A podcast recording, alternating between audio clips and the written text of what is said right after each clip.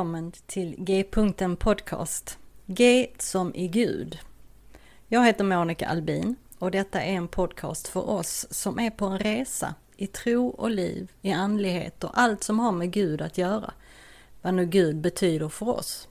En öppen atmosfär där inga frågor och funderingar är dumma och där vi tillsammans ska få vidga vyerna. G-punkten betyder att Gud är mittpunkten, i centrum av samtalen och genomsyrar allt och alla. Och därifrån är vägarna öppna att fortsätta framåt och utforska nya vyer. Samtala de stora frågorna på ett vardagligt sätt hoppas jag att podcasten ska kunna erbjuda. Tack för att du vill vara med på den här resan. Så välkommen på resan mot G-punkten.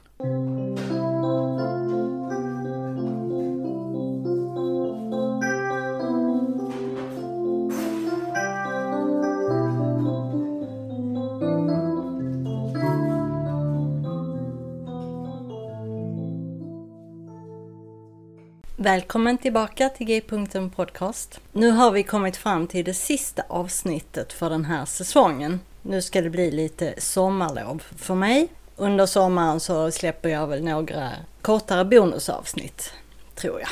Och sen kommer vi tillbaka efter sommaren med en, ännu en spännande säsong. Det här avsnittet är en kortare predikan som jag höll på pingstdagen på Frälsningsarmén i Ystad. Den har namnet Virvelvinden och jag hoppas att din sommar blir som en kanske inte som en virvelvind utan mer som ett stilla sus med vila och återhämtning och kanske en del äventyr också. Jag eh, kommer inte tillbaka efter själva predikan utan det får vara avslutningen för eh, idag och den här säsongen. Men som vanligt, gilla och dela gärna på sociala medier och till dina vänner och skriv dina kommentarer på de olika ställena.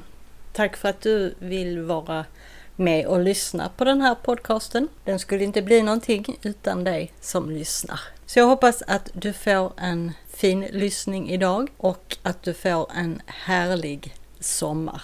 Så hörs vi igen efter sommaren. Här kommer virvelvinden.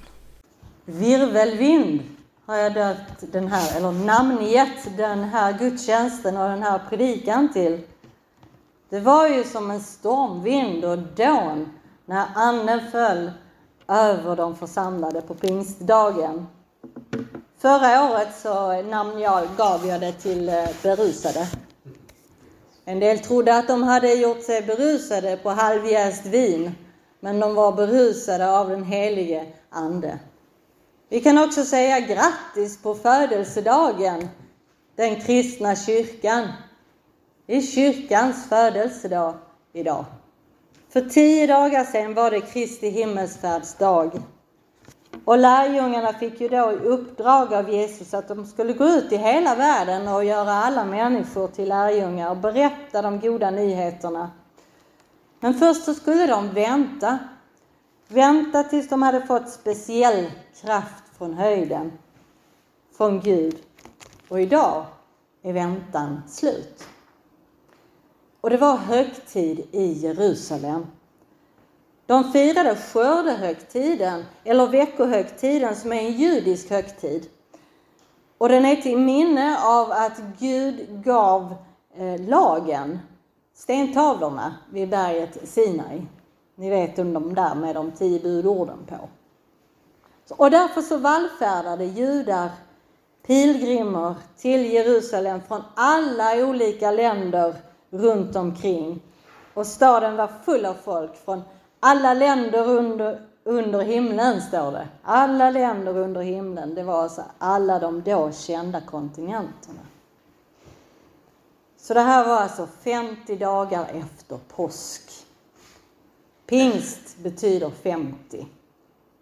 Och precis som påsken så var också judarnas, som också var judarnas högtid, så var ju pingsten det. Och Gud, Gud är ju finurlig så, han använder en redan invand fest för att göra någonting nytt. En etablerad högtid för att göra någonting nytt.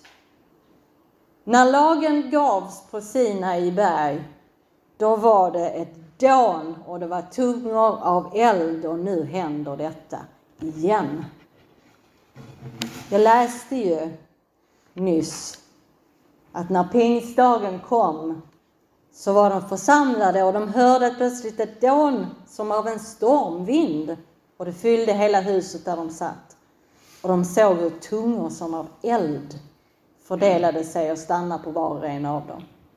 Och alla fylldes av helig ande och började tala andra tungomål med de ord som anden ingav dem. Så ett dån, en stormvind, tungor av eld, på något sätt kanske det verkade vara lite bekant för dem som var församlade. Firandet av just den judiska pingsten, den handlade ju om att lagen gavs en gång på Sinai. Och där berättas det också om den här stormvinden och elden. Och i Gamla Testamentet är både stormvind och moln och eld ett tecken på Guds närvaro. Elden brann i tabernaklet i öknen och sen i templet när det blev byggt. Guds härlighet uppfyllde templet och elden var en symbol för en tempelplats. Alltså Guds boningsplats, en plats där himmel och jord möts. Platser och tillfällen som jag ibland vill kalla för tunna platser eller tunna ställen. Där liksom skynket mellan himmel och jord dras undan för en liten stund. Ett annat sådant exempel är ju när Mose möter Gud i öknen, i den brinnande busken. Och där han får höra Gud säga, ta av dig skorna för platsen där du står är helig mark. Himmel och jord möttes där och Mose fick vara med där också. Och denna pingstdag är det tungor av eld som fördelar sig på var och en av dem som är samlade. Tänk, över var och en av dem var det tungor av eld och de förtärdes inte, de brann inte upp. De behövde inte ringa efter brandkåren. Men det var tungor av eld. Och de blev uppfyllda av helig ande. Och så började de tala andra språk så att alla kunde förstå. Och elden som jag sa var ett tecken på en tempelplats. Och nu var varje lärjunge ett tempel. Var och en av dem som var församlade var ett tempel, en boning för Guds heliga ande. Ett andligt tempel. Inte en byggnad av sten som bara finns på en enda plats, utan ett andligt tempel som består av människor som är flyttbara, formbara och som kan få ut Guds kärlek över resten av världen. Så fast det finns likheter så är det ju ändå en stor skillnad mellan givandet av lagen och utgjutandet av den heliga Ande. Sten, det är ganska dött. I alla fall byggstenar. Anden är levande. Ingen fick komma nära berget Sinai. Och här var hela hopen församlade. Vid Sinai så står det att det dödades ungefär 3000 människor, men det är en annan predikan. Här räddades 3000 människor, fick sina liv förvandlade. Så de kom för att fira skördehögtiden och så fick de någonting helt annat. De fick en relation med levande Gud. Ibland så kallar vi ju pingsttiden för hänryckningens tid. Jag vet inte om det fortfarande är väldigt populärt med bröllop den här helgen, men jag tror det. Och det är ofta man eh, associerar just att vara hänryckt med att vara kär och förälskad. Men vad är det att vara hänryckt? Att ryckas hän att vara hängiven, det är ju mer att man ger hela sitt ja till en person eller ett uppdrag, ett jobb, en övertygelse. Och hängivelse kanske kan vara följden av en hänryckning. Thomas Sjödin skriver i sin bok Lita på att det ljusnar, så skriver han lite om pingsten. Bland annat att han gillar att det finns erfarenheter som bryter sig ur det vanliga och kontrollerade och gäspande och liksom tänder eld på livet. Att det plötsliga händer om man får smaka starkare krafter än sina egna. Det blåser till i stiltjen och man blir plötsligt lite euforisk. Eller ja, hänryckt. Ordet hänryckning är släkt med ordet extas. Och det betyder ungefär att man kan ryckas in i ett annat läge. Och Bibelns skildring av pingsten i Jerusalem, där blir den här lägesförändringen nästan övertydlig. Det kokar under alla grytor. Och lagom lyser med sin frånvaro. Och de församlade de fångas av en stormvind. Och språkliga och mänskliga begränsningar bryts och sprängs i tusen bitar.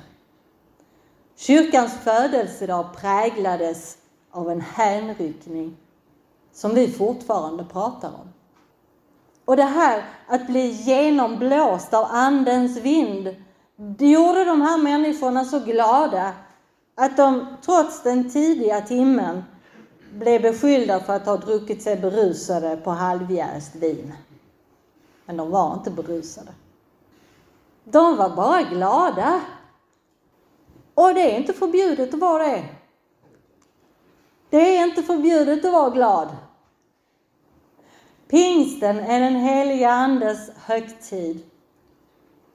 Och det går an att ta ett djupt livets andetag. Andas ut sin oro. Andas in den frid som man inte själv kan mana fram genom positivt tänkande. Den heliga Ande är en personlig kraft vars andra namn är något så vackert som Hjälparen. Och det kan rymmas mycket och frigöras mycket i en lång in och utandning. Och denna hänryckning, den följdes av en stark hängivenhet hos de första kristna.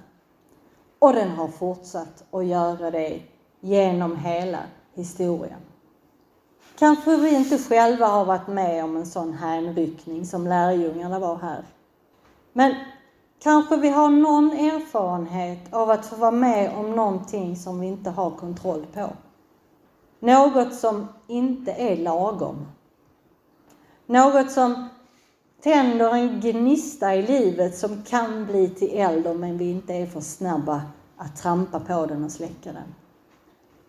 Vi kanske kan bestämma oss för att varje dag ta ett djupt livets andetag och be den helige Ande fylla oss helt med sig själv och sätta hjärtan i brand så att hängivenheten kan växa och bära frukt i våra liv. Kyrkan föddes här i Jerusalem och växer fortfarande 2000 år senare i världen. Så låt oss fortsätta att andas. Andas ut oro Andas in frid och hängivenhet och låta oss ledas av Anden in på nya kreativa vägar. Grip du mig, heliga Ande. Amen.